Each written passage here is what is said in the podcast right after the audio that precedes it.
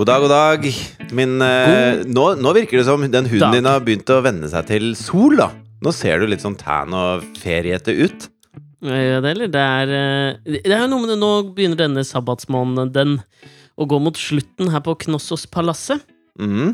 Eh, og sånne ferier som dette er jo De arter seg jo annerledes enn sånn på en måte de har vært på sydentur før. Jeg vet ikke, første liksom sånn Arter de seg? på. De arter seg. jo, de er mindre artige. Det, man er nødt til å skille mellom de to, for artig og artig, det er jo to helt forskjellige ting. Men artig kan være artig. Ja, ja, ja, det er jeg helt åpen for. Men det er fint å bli Men forstått, da. Ja, men det er jo sånn Det er jo noen opplevelser man på en måte får eh, som man ikke får eh, når man reiser sånn her med barn og sånn. Eh, og så er det noen ting som man ikke får gjort så mye siden man reiser med barn. Nå er du tydelig og presis. Det er noe man Nei. får som man ikke får, så er det andre ting man får. Ja, men jeg kan, jeg kan gi deg et eksempel på, Ja. på noe som på en eller annen måte kanskje veier opp for de tingene man går glipp av når man er på sånne turer med barn. Altså sydentur med barn. Det er Jeg syns det er ganske slitsomt, det. Ja, og så er det lite, det er lite bok. Altså, Bok er en av de deilige tingene med Syden, syns jeg. Å ligge og lese bok i sola og kose seg. Ja, jeg, jeg klamrer meg jo til de få minuttene jeg har klart å lese bøker her nede. Men det, ikke, mm. det, ikke, det blir jo ikke dritmye. Men faen, det, det, det kan jeg komme tilbake til etterpå, for jeg, jeg leste en bok som fikk meg til å tenke på noe. Men det første jeg tenkte jeg kunne bare eh, ta som et sånt eksempel på ting man opplever som man ikke ville opplevd hvis man dro på en mer sånn kamerattur til Koss, party og Koss, og Ja. festa, liksom. Som, som jeg føler at Kreta er liksom ensbetydende med enten bamseklubb og barnefamilier, eller så er det liksom flatfylla i to uker med kameratene på dimmetur! Jo, men det er jo Men Kreta er en mye større øy enn det. Altså, Kreta har jo veldig mye Det er fine små fiskelandsbyer, og det er masse eh, Masse politikk og krig og fred og øh, ting og tang. Altså, Kreta er jo masse. Ja, Kreta er masse, men jeg tror liksom de fleste som reiser hit, reiser hit 90% av de reisende er, er, faller i en av de to kategoriene. Ja, det tror jeg du har rett i. Men, men jeg skal ikke liksom, nå har vi prata mye om Kreta sin, selvfølgelig siden jeg har vært der, men jeg skal ikke kjede deg om det. Men altså, det, jeg har jo min nevø på fem er jo her nede. Mm. Og, og han er jo veldig glad i å bade, så jeg er jo mye og bader med han. Eh, og når du kommer sånn opp i sånn fem års alder, så er det sånn, sånn lek med ord er jo alltid gøy, har jeg skjønt. Og han Mhm. opp, oppdager til stadig et nye ord, sånn som han lærte seg. Han har jo nå hørt at noen sier 'jævla', så det sier han jo hele tida. Det, det var jævla rart. Men du sier, det, du sier det ganske mye. Altså, Thea ber jo ofte deg vaske munnen din hver gang du er i nærheten, for du banner jo av sverter i vilden sky. ja, men jeg, Eh, Gjør du det foran Asta? For nå, Asta er mottagelig nå. ja, hun er det. Men jeg aksepterer ikke den derre klamme sosiale eh, hånda som sier at et eh, ord som er arbitrært koblet til dens eh, beskaffenhet, skal liksom være så mye verre enn de andre. Ak akkurat det Jo, men- aksepterer jeg ikke. Jo, men hvis du Altså Men jeg anerkjenner Men det er noen ting som får en helt annen smak i munnen når barn sier det, Det enn når det. voksne sier det. Og, og at du skal være den som liksom Som eh, viser i, viser i bakdøra inn til helvete, det er jo ikke, det er jo ikke nødvendig, Nei, jeg noe, du har jo kanskje ikke så lyst til å liksom ta den samtalen i barnehagen når du sier Ja. ha det, og dattera di sier 'ha en jævla bra dag', da. Det Ja. er jo ikke like fett. Jeg anerkjenner det. Jeg leker med det fittetrynet her borte. Altså, du har ikke lyst til at du skal liksom si det. Nei, Få ballen, da, ditt rasshøl. Nei, men altså, jeg tror, jeg tror ikke det er meg han har plukka opp det etter. Men altså, fordi vi var jo på stranda her i går. Eh, Jeg syns jo det er veldig stas å bli kalt onkel, selv om jeg jo egentlig bare er en filleonkel. Kan jeg avbryte deg ett sekund? Nå Eh, sitter det er du i bar overkropp, Ja. og så tvinner du eh, rundt med en pinsett. Ja, men den lå på bordet her. Hvorfor gjør du det? Den lå på bordet her jeg sitter. Jeg vet ikke, men jeg driver Eller har og- du nappet noe? Nei, jeg napper veldig lite, altså. Du ser Nei, kanskje ok, på denne brøstkassa her. Det er ikke mye napping her. Kamerat! Ja, ellers er den ferdig nappa, da, eventuelt. Det er jo mulig. Se her, da, for faen. Det er jo masse hår. Ja, jeg ser det. Ja. Du Nei, har men litt altså, sånn store brystvorter. hva sa du nå? Du har litt store brystvorter. Det har jeg ikke, ass. Se de små jævlene her, da. Selve nippelen er veldig liten. Men, Men aiolaen Hva heter det for noe? aioli Aiolien? ja, Altså eggehviten, da, hvis du skjønner. Den er jo Den ikke stor, er, den. den er litt stor. Nei, ta se deg i speilet. Du har svær aioli. Nei, Det har jeg vel ikke. Det har jeg vel ikke. Sorry, hvor var du?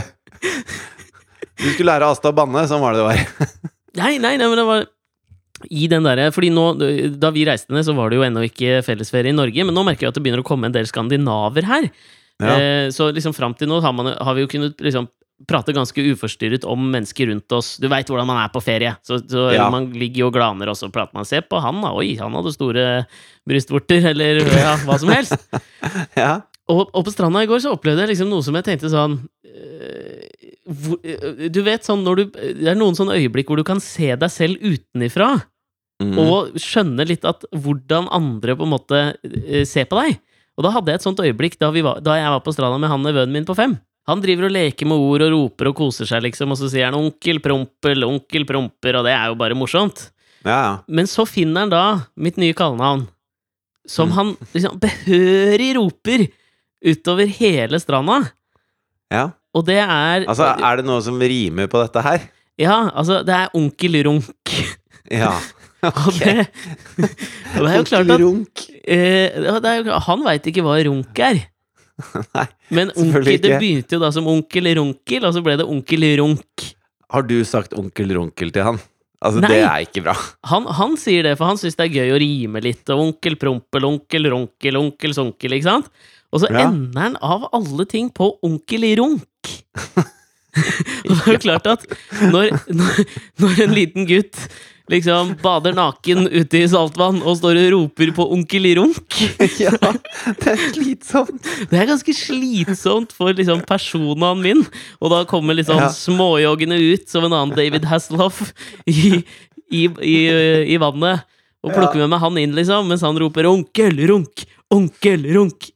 Ja, Altså, jeg det- husker jo altså, et, dette, er, dette har jeg ganske god kjennskap til, fordi at min lillesøster klarte ikke å si Fridtjof, så hun kalte meg jo Fitte i to og et halvt år. Ja. Um, som også var en jævla tidtrøyte altså for meg å, å være han som het Fitte, liksom. ja. Eh, sånn i sju, åtte, niårsalderen så var det meg, da. Men Ja. eh, sånn sett så er det jo bra at man klarer å kaste av seg de eh, kallenavnene. For ellers så hadde jo dette vært en liten hurratime med Fitte og onkel Runk. Ja, det høres jo ikke så bra ut. Spesielt ikke når begge to har enorme brystvorter. Det gjør det eklere. Ja. Fire speilegg. En fitte og onkel Runk.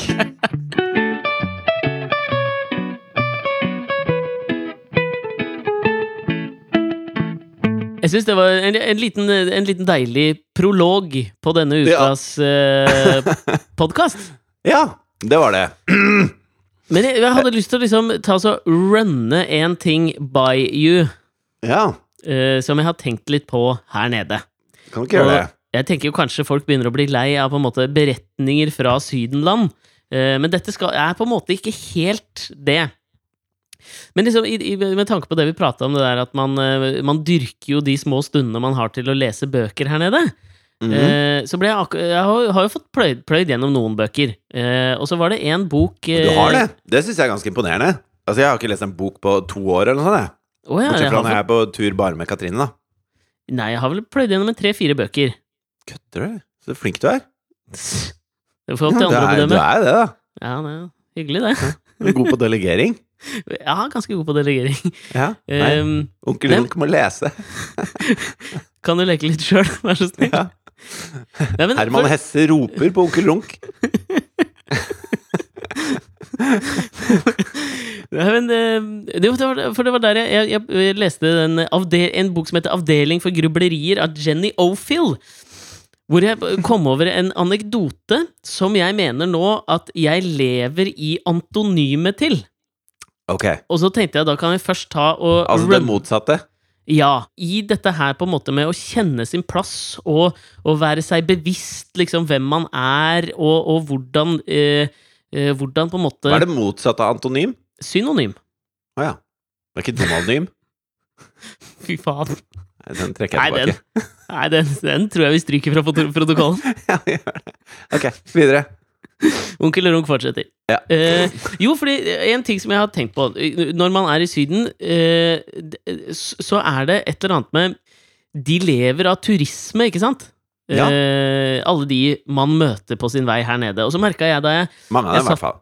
Ja, ja men de, de man møter som turist, så er det jo De, de vil jo at du skal legge igjen en, eh, en monetær verdi hos dem, og eh, deres på en måte sosiale approach eh, ha, vil ha det som resultat. Ja. ja, ja, det er jeg enig i. Og så satt jeg Det er eh, sånn som i Tyrkia, så sier de 'mange drakmer små blir en stor å'. Absolutt, det er det de sier der. Ja. Og så Ja. satt jeg, jeg satt på en sånn, eh, en sånn strandbar eh, i skyggen med Klara eh, i forgårs for å prøve å få henne til å sove. Og så, og så var det jo en sånn eh, På en måte han som eh, du åpenbart så at var liksom head honchoen på den strandbaren, og han hadde vært der i minst 50 år. Eh, Ja. Han gikk liksom rundt og var en litt sånn flanør, en gresk flanør i, i Ja, var han litt sånn eh, en eldre type? Ja, ja, han var veldig gammel.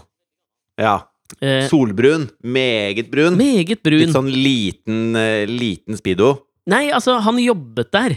Eh, han, oh, ja, okay. han var, han hadde en veldig sånn hvis du, hvis du husker stilen til Charlie Sheens karakter i Two and a Half Men, med sånne slags bowlingskjorter, slippers og veldig ja, ja. løse, flagrende gevanter bare på en mann. ja, for jeg så for meg en slags sånn derre Du vet han som var en strandløve fra 20 til 40, og så blir han mer en sånn slags stranddodo etterpå, hvis du skjønner? Ja. Dodo! sånn litt sånn Litt sånn klønete, utdødd fugl. Ja, men han her var ikke sånn. Han, han var liksom Han var elegant. Ja, ok. Ja. Og han var, han var veldig sånn Når det kom dansker, så var han liksom Jan Mølby og kunne et par fraser på dansk. Da jeg kom inn, så var det liksom ah, 'Norge, kjempebra. Vålerenga'. Og? Ja, ja. Du kjenner typen. Kjenner typen. Ja. Og det han, det han øh, øh, gjør på et tidspunkt, er at han, han kommer bort og Jeg sitter og rugger vogna, og da sitter jeg med, med min høyre arm og rugger vogna, og den er jo Jeg tror også når du sier rugger, så er det viktig at du har to g-er i det. At du ikke ruger Jeg den ruger vogna. ikke Onkel Runk sitter og ruger i vogna. Det skal han ikke gjøre. Nei, ikke gå over til onkel Runk nå. Han ruger. Han ruger vogna. Nei, men jeg sitter og rugger med høyrehånda, og Ja. der, har jo, der har jeg de fleste av tatoveringene mine. Ja. Eh, og, og da ser jeg at han plutselig legger merke til noe, og så kommer han bort og er veldig liksom Han er eh, oppildnet. ja. Og da har han lagt merke til den eh, Don Quijote-tatoveringa som jeg har på overarmen på høyrearmen. Ja.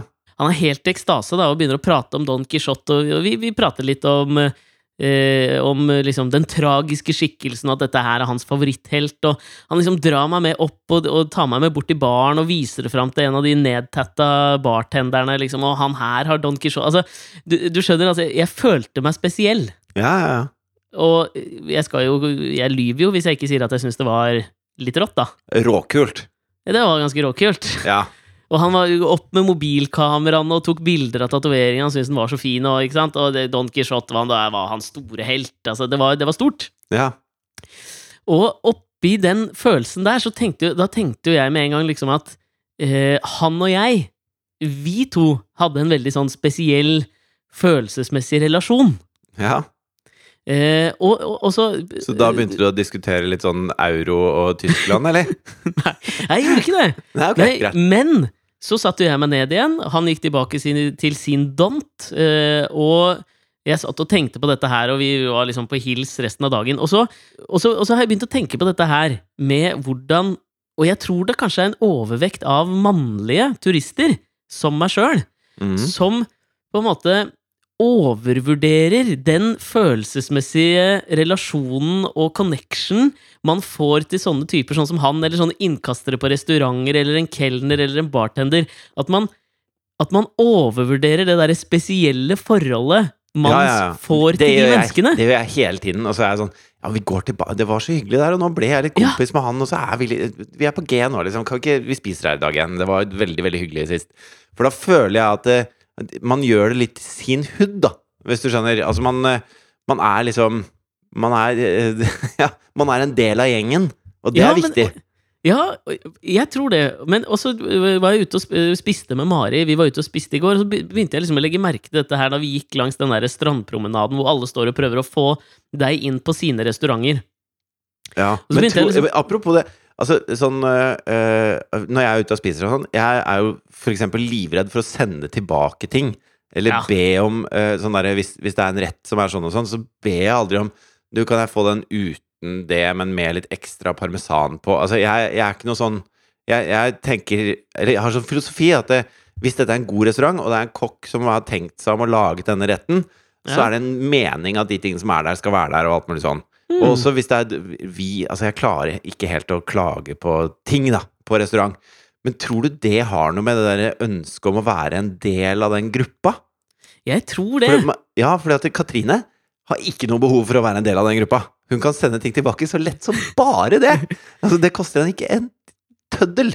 Det, det, det går av seg sjøl. Ja, det veit jeg. For, og det er det jeg tenkte på deg og Katrine oppi dette her, fordi at jeg lurer på, eller jeg mener og tror, min tese er her at dette er et veldig sånn mannlig fenomen. At Mm. menn i større grad enn eh, kvinner får denne følelsen av at man får et spesielt forhold til en eller annen sånn ehm, uh, turistperson. Ja, ja. Det, Og det er grunnen til at jeg har lært meg å si eh, «Dologreas på paragalo», som betyr 'kan jeg være snill å få regningen på gresk', og så får jeg liksom masse latter, og de syns det er dritkult, mens Katrine har lært seg å si 'this isn't exactly what I ordered'. Man får forskjellig resultat av de to frasene Ja. der, da. Men, men det er, jeg syns det er så fascinerende, fordi at i utgangspunktet så, så tenker jeg at det, er sånn, det, er det samme som å forelske seg i en hore. Nå er jeg spent. Ja, fordi altså De menneskene du forholder deg til der altså, Her er jo min, min ja, teori er jo at, at Ja. du å, altså, man, Det mannlige egoet har en tendens til å overvurdere sin egen sosiale kapasitet og liksom magnetisme Ja. eh, i møte med disse menneskene som i utgangspunktet bare vil ha penga dine. Ja. Og så tror man oppi det der at man sjøl er så innmari sosialt equipped til å bare trekke mennesker til seg, at det er ingen andre som opplever dette her som jeg opplever med akkurat denne fyren. Men er ikke det en gave innerst inne? Hvis man bru altså, ikke hvis man bruker det til å forelske seg i en hore, selvfølgelig. Eh, men, men hvis man bruker det sånn som vi bruker det når vi er på ferie, at vi føler at fy fader, jeg er rå på å være på ferie og legge igjen masse spenn hos de gutta her. Altså, Jo, hvis, men- hvis det er det vi bruker ikke, det til. Ja, men det er det jeg mener, fordi jeg, jeg tok meg jo i det sjøl. Og Ja, det jeg, jeg tenker jo ikke på at jeg legger igjen spenn. Det er jo hele Nei, nei. problemet. Jeg tenker bare på at vi to, kamerat, vi fikk en ekstra special connection. Og så Ja. er det jo altså, Det er jo bare bygget på et helt jævla luftslott. Og det var så fascinerende da jeg liksom begynte å legge merke til det. Da vi satt ute og spiste, så sa jeg til Mari liksom, følg med nå i denne gata. Og de eneste som stopper å prate med de innkasterne og de som liksom holder rundt dem, så, det er bare mannfolk! Ja. Det er aldri det. Det var aldri én dame, og dette er forskning på veldig lavt nivå. Jo, men Men jeg jeg skjønner jo, altså, hvis du er en sånn innkaster, da, og så, og så kommer det sånne par gående, så er jo den mannlige innkasteren må jo nesten henvende seg til mannen. Han kan jo ikke bare gå på dama di, liksom. Det kan fort bli klønete. Ja, det kan kanskje det. Eller så har de, er de, altså sånn, så har de skjønt det. At det mannlige ego, hvis det bare liksom Hvis det, bare, hvis du bare drysser bitte litt safran oppå det, så vokser det ut en paella av liksom egosentrisme oppi de greiene der. Men når, når de tingene går for langt, da, så blir det jo helt forferdelig patetisk. Altså, pappa er jo, var tannlege. Altså, nå er han jo pensjonist, men han var tannlege. Ja, Han sier at han var tannlege. eh, Enkelte hevder at han hadde en Slobodan Milosevic-holdning til tannlegen som en slags dekkhistorie. Ja, ja. Men eh, la oss, la oss eh, si- si- eh, prøve å opprettholde dekkhistorien hans, da. Ved å si Ja, ja. at han var tannlege ved Asker tannlegeklinikk. Og så har du jo masse faste kunder, ikke sant. Det er verdien til en tannlege. Er hvor mange faste kunder du har. Så den kundeboka, den kan du selge. Og det betyr jo at du har Kan du selge kundeboka di som tannlege? Ja, ja. Fordi at det er den verdien du har opparbeidet. For folk, folk er jo ofte litt redd for å gå til tannlegen, så hvis de finner en de liker, som de stoler på, det er ingen som bytter. Altså det, du, f- selv om den tannlegen flytter Pappa har jo flytta klinikker flere ganger, Mm. og Mhm. ganske langt også. Han har jobba inn i Oslo, jobba på Rud og jobba i Asker. Eh, og sikkert flere steder også, før jeg begynte å følge med. Men eh, Etter Men- at du ble kalt fitte? ja, post fitte. Ja. Så, eh, men den kundemassen, da, den følger med han, liksom. Fordi da, eh, da er det folk som liker å gå til han. Fordi det er utrolig intimt når folk skal gjøre ganske hardhendte ting inni deg. Da har du lyst til at det er noen du kjenner som gjør det. Ja, jeg, ser den. Ja. Så den kundeboka er en stor verdi, og når han da eh, selger den videre, så er det med en sånn eh, En forsikring til kundene, ikke sant. Så da det siste halvannet året han jobba som tannlege, så sier han til alle kundene at ja, nå skal jeg etter neste sommer, så kommer jeg til å slutte som tannlege og sånn, men jeg har anbefalt deg til den og den, og hun er veldig bra, dette går fint og sånn. Så den kundeboka er en kjempeverdi. Ja, men hva hvis... snakker vi her når du selger hva, hva, hva er liksom verdien, da? Nei, altså Verdien er jo eh, sånn som uh, min kjære far, da. Har jo mm. jobba et helt liv, ikke sant? opparbeidet seg en kundebok som finansierer en tannlegepraksis. Basically. Ja, nei, men hva, Når du selger den videre, mener jeg liksom Hva snakker vi kroner og øre? Ja, men bare hør nå, da. Det det, det, jeg prøver å svare på spørsmålet ditt. Eh, altså, ja, men i kroner og øre Det er ikke Dagsnytt 18, dette her! Det er på en måte en hurratime med fitteonkel Runk. ja, jeg glemte det. Det er ikke Fredrik Solstad som sitter og Nei, ja, greit. Jo, sånn at hvis en sånn kundebok kan finansiere en hel tannlegeklinikk eh, eh, årlig, så, og du går ut fra at du har den kundeboka Nå er det jo en viss utskifting der, for folk blir jo gamle, de òg. Men si at den ja, Men du må jo gå til tannlegen selv om du er gammel. Ja, men til slutt er du død. Liksom. Ja, det er riktig. så hvis du har gått hos pappa i 40 år, da, så, ja. så vil du dø på et punkt. Men, ja. men, eh, så da er jo den på en måte eh, han, sak, han, forgifter dem sakte som faen. Ja, så hvis, hvis du har gått hos pappa i 40 år, da dør du. Hvis den da holder i, si den holder i 7-8-10 år, da, den kundeboka, og kan drifte en praksis eh, fra den, så er jo det en, en, en uh, mangemillionverdi. Nå får du ikke mange millioner for det, men du får en ordentlig sum for det, da. Eh, ja, men Veit du summen her, eller? Nei, selvfølgelig gjør jeg ikke det. Men uansett ja, men hva, hva, hva, hadde en, liksom, hva hadde vært en grei sum å ta for kundeboka? Hvor mange kunder snakker vi, da? Jeg vet ikke. Jeg bare vet at kundeboka er liksom Altså, eh, det er som i alle andre yrker. Altså, det, er, det er eh, de du handler med, da. Det er den kjøpekraften de du appellerer til, har på, jeg, Har ikke jeg uttrykt meg ganske presist nå, egentlig? Du har uttrykt deg presis, men jeg syns det fortsatt er fascinerende at det er en slags sånn Hvis du er en pastor, da, så er det noen som sokner til deg, noen som ikke ja. gjør det. Ikke sant? Det er Jeg tviler på at prester selger menigheten sin når de liksom går hen til Sankt Peters port. Nei, men de, altså hvis de er flinke til å verve nye medlemmer til kirken, så kommer de jo høyere opp i kirkesystemet og blir mer respektert. Til slutt kan du bli altså, som han derre nestlederen, han australske barnemishandleren, som nå er nærmeste ja. rådgiver til uh, paven. eh, ja. I hvert fall fram til han må i fengsel, da. Ja, Han er jo ikke dømt for noe ennå, men, uh, men, vi veit alle at de fleste... Den katolske kirken har jo en track record som ikke taler til hans fordel. Nei, det har de ikke. men i hvert fall Eh, så eh, det jeg skulle fram til, var egentlig ikke hvor mye verdt en kundebok hos en random tannlege er. Men at man blir Selv om det er et fascinerende aspekt. Veldig. Men man blir jo godt kjent med disse kundene. Og så ja. hadde pappa en fyr som eh, hadde kommet til han i mange år. Som han kjente godt, og han kjente kona, og barna gikk der også. Og så plutselig en dag så kommer han fyren, eh, og da er han kanskje Si han er 55, eh, nærmer seg 60. Så kommer han, og så har han en, en litt sånn eh, tettsittende, eh, men med mye mønster på skjorta. Ed Hardy-aktig T-skjorte. Veldig Ed Hardy. Også en sånn, du vet, sånn litt uh, tight G-Star raw med masse hull og glidelåser og faenskap på olabuksa. Men da, det er eh, G-Star raw pre-Farrell. G-Star ja. raw har jo rebranda seg. Pre-Magnus Carlsen, G-Star Raw. Altså, Magnus Carlsen? ja, han er jo Er ikke han ambassadør for G-Star Raw? Jo, jo, nei, men da tenker jeg at på en måte Magnus Carlsen er ikke liksom en instrumentell del av utviklingen av jeansen til G-Star Raw. Nei, ok. Men, jeg, det er Pharrell. Ok, det er Pharrell. Ja. Eller Magnus Carlsen. Men uh, også Også og, og, bleka hår. Og så er pappa litt sånn Jaså, ny stil på deg? Og så forteller han at uh, han har hatt litt sånn tøft i, i forholdet i det siste. Han har fått seg en ny kjæreste, og det funker veldig, veldig bra. Og neste gang så var hun med, og hun er jo da, ikke sant, 24 år, fra Brasil. Smellvakker, ja. selvfølgelig. Og ja, ja. allerede lei av han fyren. Det oser lang vei at hun er det. Og han går liksom fra å være en sånn øh, en, en, hyggelig norsk 50-60-åring til å bli en sånn derre fyr du ikke liker, da. En sånn fyr du ikke kan henge med eller prate med eller gjøre noe med. Og det må være eh, Altså, det er jo ytterste konsekvens av det, du, det greiene som du hadde med disse innkasterne på Kreta. Ja, det det helt hvis du blir den patetiske varianten av det der, da må du passe deg. Men jeg skal ja, men det, hjelpe deg å passe på det.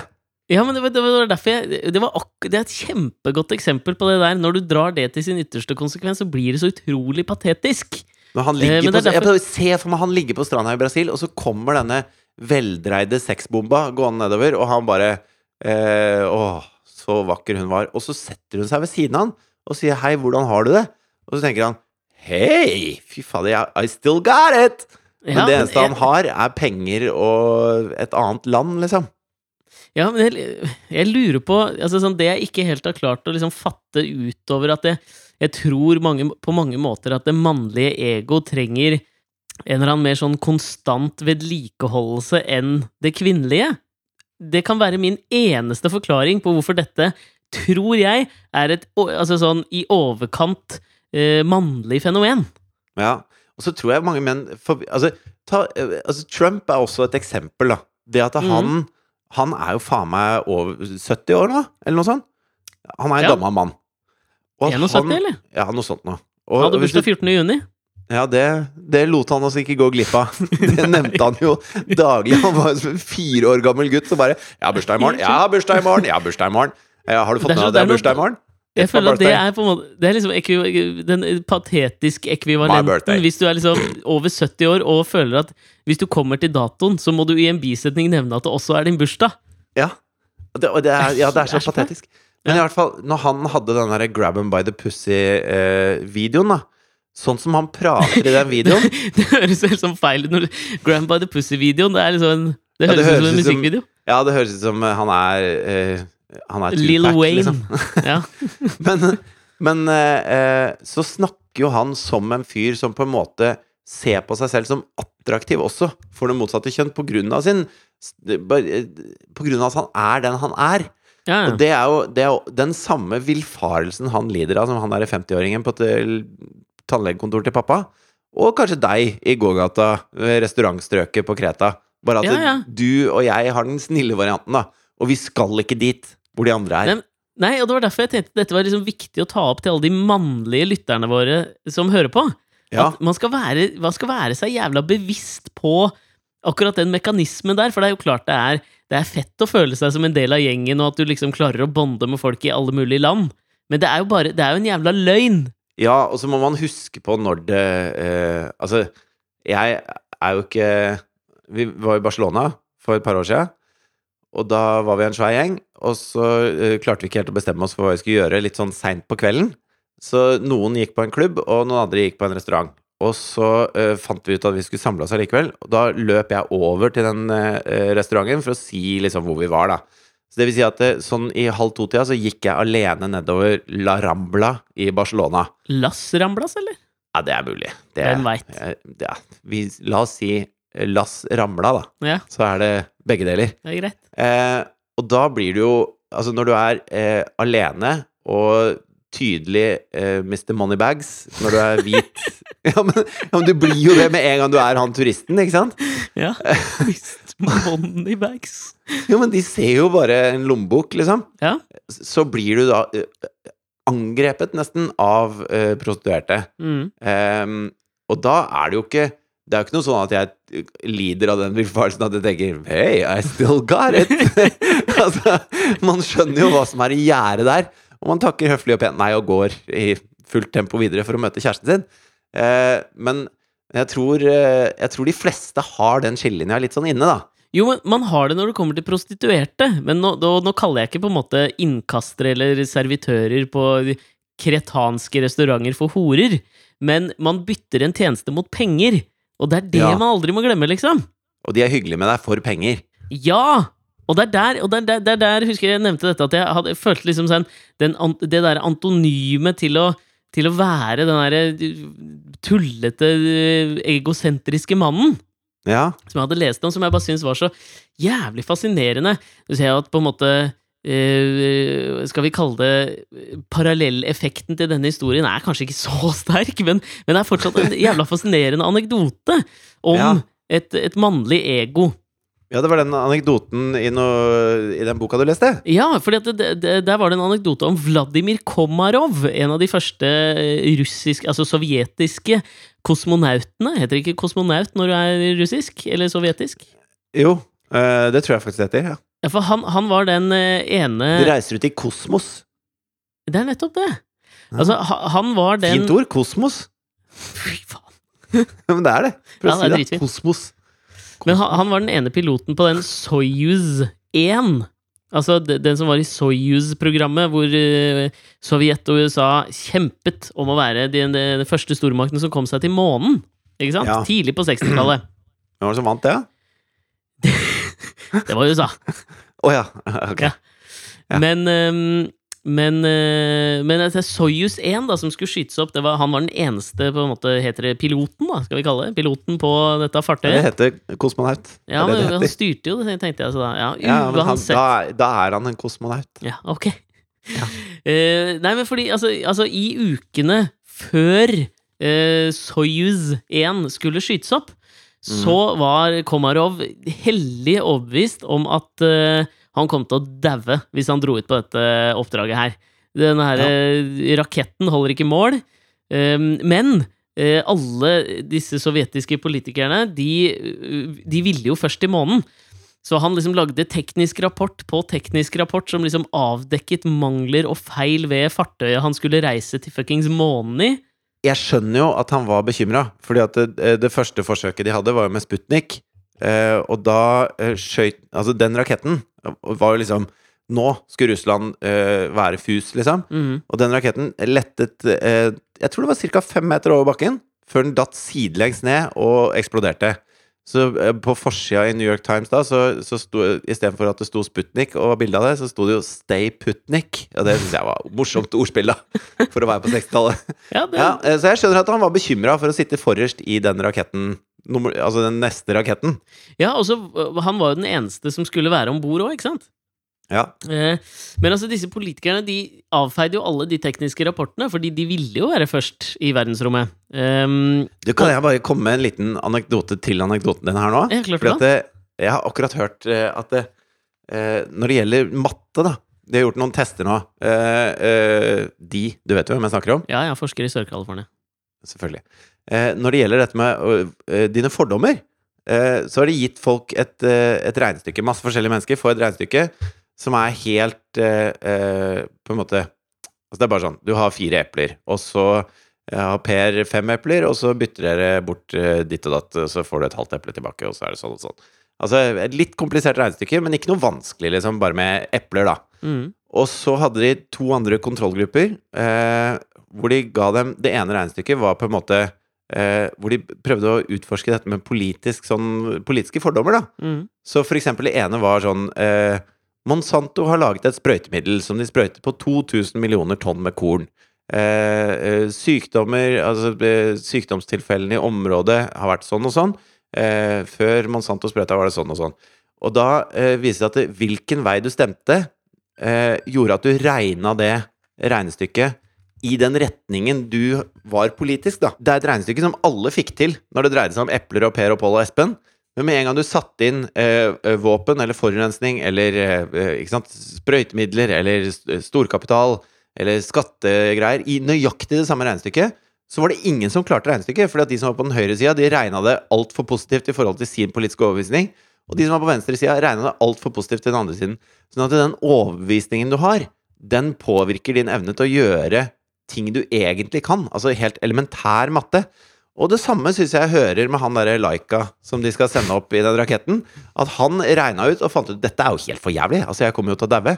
Mens de som virkelig ville sende av gårde den raketten, så på de samme regnestykkene og tenkte dette går jo kjempebra. Dette er jo ikke noe problem. Ja, men Er ikke det ekstremversjonen av det man kaller confirmation bias? da? Jo, jeg lurer på det. Men nå si er jeg på vaklende grunn. Ja, ja, men altså øh, Men, men Komarov, han var jo på en måte La, la oss da Hvis vi skal øh, fortsette den tankegangen, altså så kanskje han var i overkant forsiktig, ettersom det var han som skulle sitte der. Men det føler jeg er greit. slags, han var en slags glass er halvtomt. Men Ja. det må være greit når du Jeg- setter deg fast i toppen av den raketten. Ja, jeg syns det, altså. Og det, det, det som skjedde, var at på den oppskytningsdagen så blei han jo han Han blei jo bare kasta inn i denne raketten, ikke sant? Spint, øh, b- spent fast. Eh, Men altså, det blei jo problemer nesten med en gang. Så det var en sånn antenne som satt fast, og så slutta et solcellepanel å funke, sånn at eh, hele raketten bikka over, og så ble den vanskelig å styre. Eh, og da de på bakken skjønte at det liksom Nå kommer katastrofen, så mm. ville de jo avbryte ferden og prøve å få han ned igjen.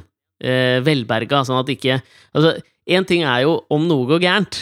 Det er helt jævlig. Men når en fyr har sagt fra om det i forkant, så blir det jo ekstra ille.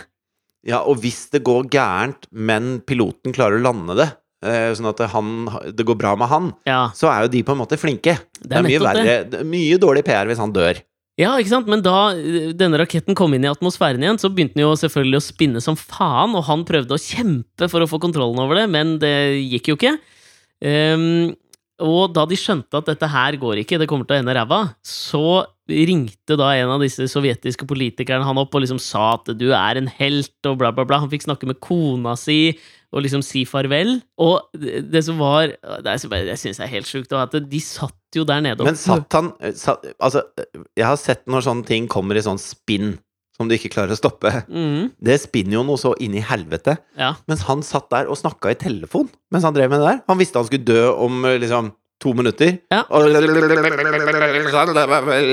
Han Altså- fikk, ja, så fikk han prate med kona si og sånn. Det siste de hørte, var jo liksom skrikene hans, ikke sant?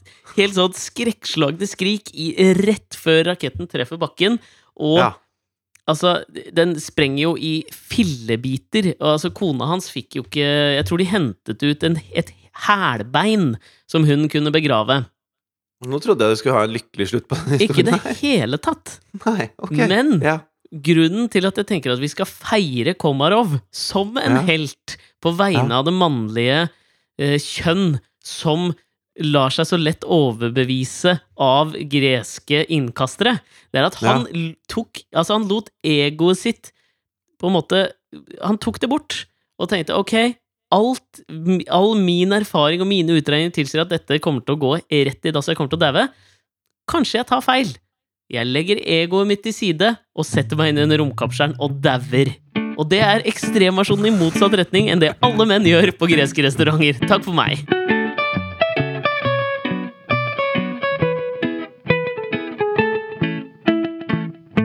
Hvis vi skal lære én ting av turister på gata i Kreta, og tannlegekunder i Asker, og kosmonauter fra Russland, mm. eh, som, som på en måte kan summere det sammen, så må det være at menn eh, relativt ofte har relativt dårlig skjønn. Altså som kjønn har vi dårlig skjønn. Ja, dårlig selvinnsikt med tanke på hvor på en måte ja, Om det er liksom sosiale tiltrekningskraft, så tror jeg vi, tror jeg vi som kjønn må anerkjenne snart. Og da Ja. tenker jeg at vi var de første som på en måte eh, Vi må tørre å ta debatten, er det mange som sier. Her tok vi den debatten. Ja, det turte vi. Den er tatt, altså. Ja, det var ikke så vanskelig. Jeg kan Eh, opplyse da om, eh, før vi avslutter i dag, at jeg har gjort én ting den foregående uken også som jeg ikke har gjort i hele mitt uh, 33 år gamle liv. Og som okay. Altså, du vet sånne ting eh, det er liksom, Man lever kanskje under noen sånn I likhet med alle menn, da, så lever man kanskje under noen sånne villfarelser som man oppdager i seinere år. Det kjenner du sikkert igjen. Altså Sånn som svigermor her nede. Hun har Dette fant jeg ut da for noen dager siden. Um, fordi du kjenner jo til den greske Skal vi kalle det en slags uh, Ja, hva kaller du tatsiki? Er det en, Ja, det er en, eh, en- en yoghurt- dressing. en slags yoghurtbasert dressing? Ja. Hun Det er jo hele yoghurt, hvitløk, agurk og litt krydder og sånn. Ja, hun har hele sitt liv trodd at det het salt-siki, fordi det var salt i. Å ja. Ja. Altså, sånn, man, man har jo, altså, du har jo sikkert noen sånne ting du også som du Altså, jeg trodde fram til jeg var 15 år at det het Avesome istedenfor Awesome. Ja, ja. Jeg trodde det het executive producer. Det gjorde det. Sånn, Søstera di trodde du het Fitte, men det var Fridtjof. Altså, det er noe med det. Kjeft av onkel Runk. Nei, men, og jeg har aldri i mitt liv eh, tatt vanskelige før, for jeg syns det ser jævla ubehagelig og dritt ut. Så Det har du aldri gjort. Jeg har aldri Hvordan har du gjort klart å unngå det. Ja, men jeg har aldri vært i liksom sommerland i Bø eller noen sånne ting. Men har du vært han som har ligget og flytet med armringer mens alle de andre barna tok vann? Eller hvem har du vært? Nei, men jeg har liksom aldri vært i liksom nærheten av masse vannsklier. Har du aldri vært i nærheten av vannsklier? Nei, det tror jeg faen ikke jeg har vært, altså. Men ble du aldri tatt med på badeland, eller? Aldri, jeg var ikke så glad i å bade, vet du. Nei, det stemmer du holder deg for øra i dusjen og sånn. Ja, det har jeg slutta med, for faen. ja, det, men det er nylig! Ja, men jeg, jeg sliter fortsatt mye nå. Det er jo mye bading her nede nå når man har barn og sånn. Asta driver og skal lære seg å svømme og greier, ikke sant? Og da er Ja. det mye Hvem er det som lærer Asta å svømme? Er det deg eller Mari? Nei, det er meg. Du Ja, det er deg, ja. Ja. Er ikke Mari heller noe nymfe? Jo, jeg tror Ma Mari er nymfe, altså, men hun på en måte øh, Hun også setter pris på de der minuttene hun kan da ligge og slikke sol og lese en bok. Eh, hvor Ja. jeg lærer Asta og prøver å lære Asta å svømme. Men, men, men uansett, da, så er det jo det, det er jo noe med det der at man At vi var nå nylig på et sted som hadde to vannsklier. Mm. Og, og jeg merka jo liksom, selv om jeg var 33 år, så tok jo nevø, onkel, onkel Runks nevø Han var jo jævlig keen på å ta den vanskelige, og da kan man jo ikke være han gamle fyren som ikke tør. Selv om jeg skalv jo da vi gikk opp disse her trappene til den vanskelige. Jeg var jo så redd at jeg holdt på å drite på meg. Så Mens han liksom løp deg- opp. Du tok med deg den knekte tåa di og den solbrente ryggen din og sa 'gutten min, dette gjør vi'. Ja, altså det går jo mye bedre med ryggen. Tåa har eh, Altså, jeg er jo macho, liksom, så jeg er jo Det er ikke noe stress. Jeg tenkte så lenge jeg liksom spisser tærne, så går det greit. Men jeg var jo så redd som Altså, jeg var så redd. Men han kaster seg jo ned i den ene, og da må jo jeg kaste meg ned i den andre. Og det er noe gøy med det at når man opplever noe nytt. da Jeg syntes det var dritgøy, så jeg kjøpte meg en sånn armbånd og drev og løp opp og ned. Og tok vannsklie en hel dag.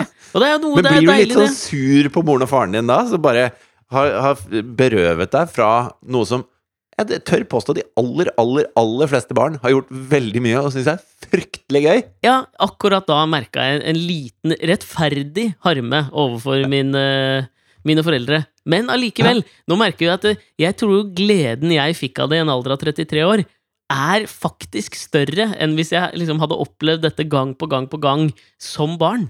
For det var Men jeg altså hadde jo sånn sånn jeg hadde jo sånn Jeg hadde ikke smakt potetgull før jeg ble 28 år. Nei, det er sant. Nei, det tror jeg Jo. Det kan jeg ikke tro på. Det er sant. Fordi at det er jo Altså, eh, mamma er Du vet jo, hun bor på Nesodden, er ganske opptatt av eh, ting som er sunt, og ting som er ordentlig, og alt mulig sånn. Du er vaksinert, Det var eller? liksom Jeg er vaksinert, Ja. Men potetgull var liksom en ting som eh, eh, jeg aldri hadde smakt, da.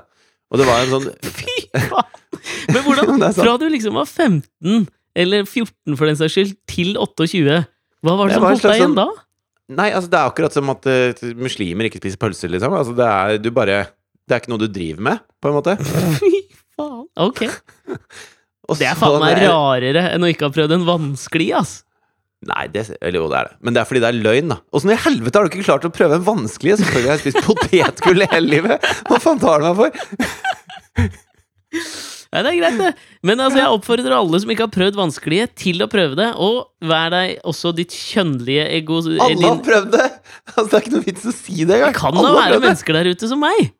Ja, kanskje. Noen, noen der ute, send oss en melding hvis du ikke har prøvd den vanskelige, så skal jeg komme med en god anbefaling. Og kan dere ikke også gå inn og eh, rate oss på iTunes, skrive en kommentar og gi oss noe mange stjerner? Ja, ja, gjør det. Det er hyggelig. Det er veldig hyggelig, fordi det gir oss en lyst til å fortsette med denne podkasten her. Det kommer vi jo til å gjøre uansett, men det gir oss en sånn ny giv, da. Ja, det gjør det. Og så eh, gjør det lettere for nye lyttere å finne denne unike hurratimen. Ja, for jeg skjønner også at det er liksom deilig å på en måte beholde denne her som sin egen personlige lille gullnugget som du får en gang i uka. Men det er jo også litt sånn hyggelig å dele det med andre, så jeg er nå åpen for flere lyttere. det er raust av deg. Takk. Ha det bra! Hei!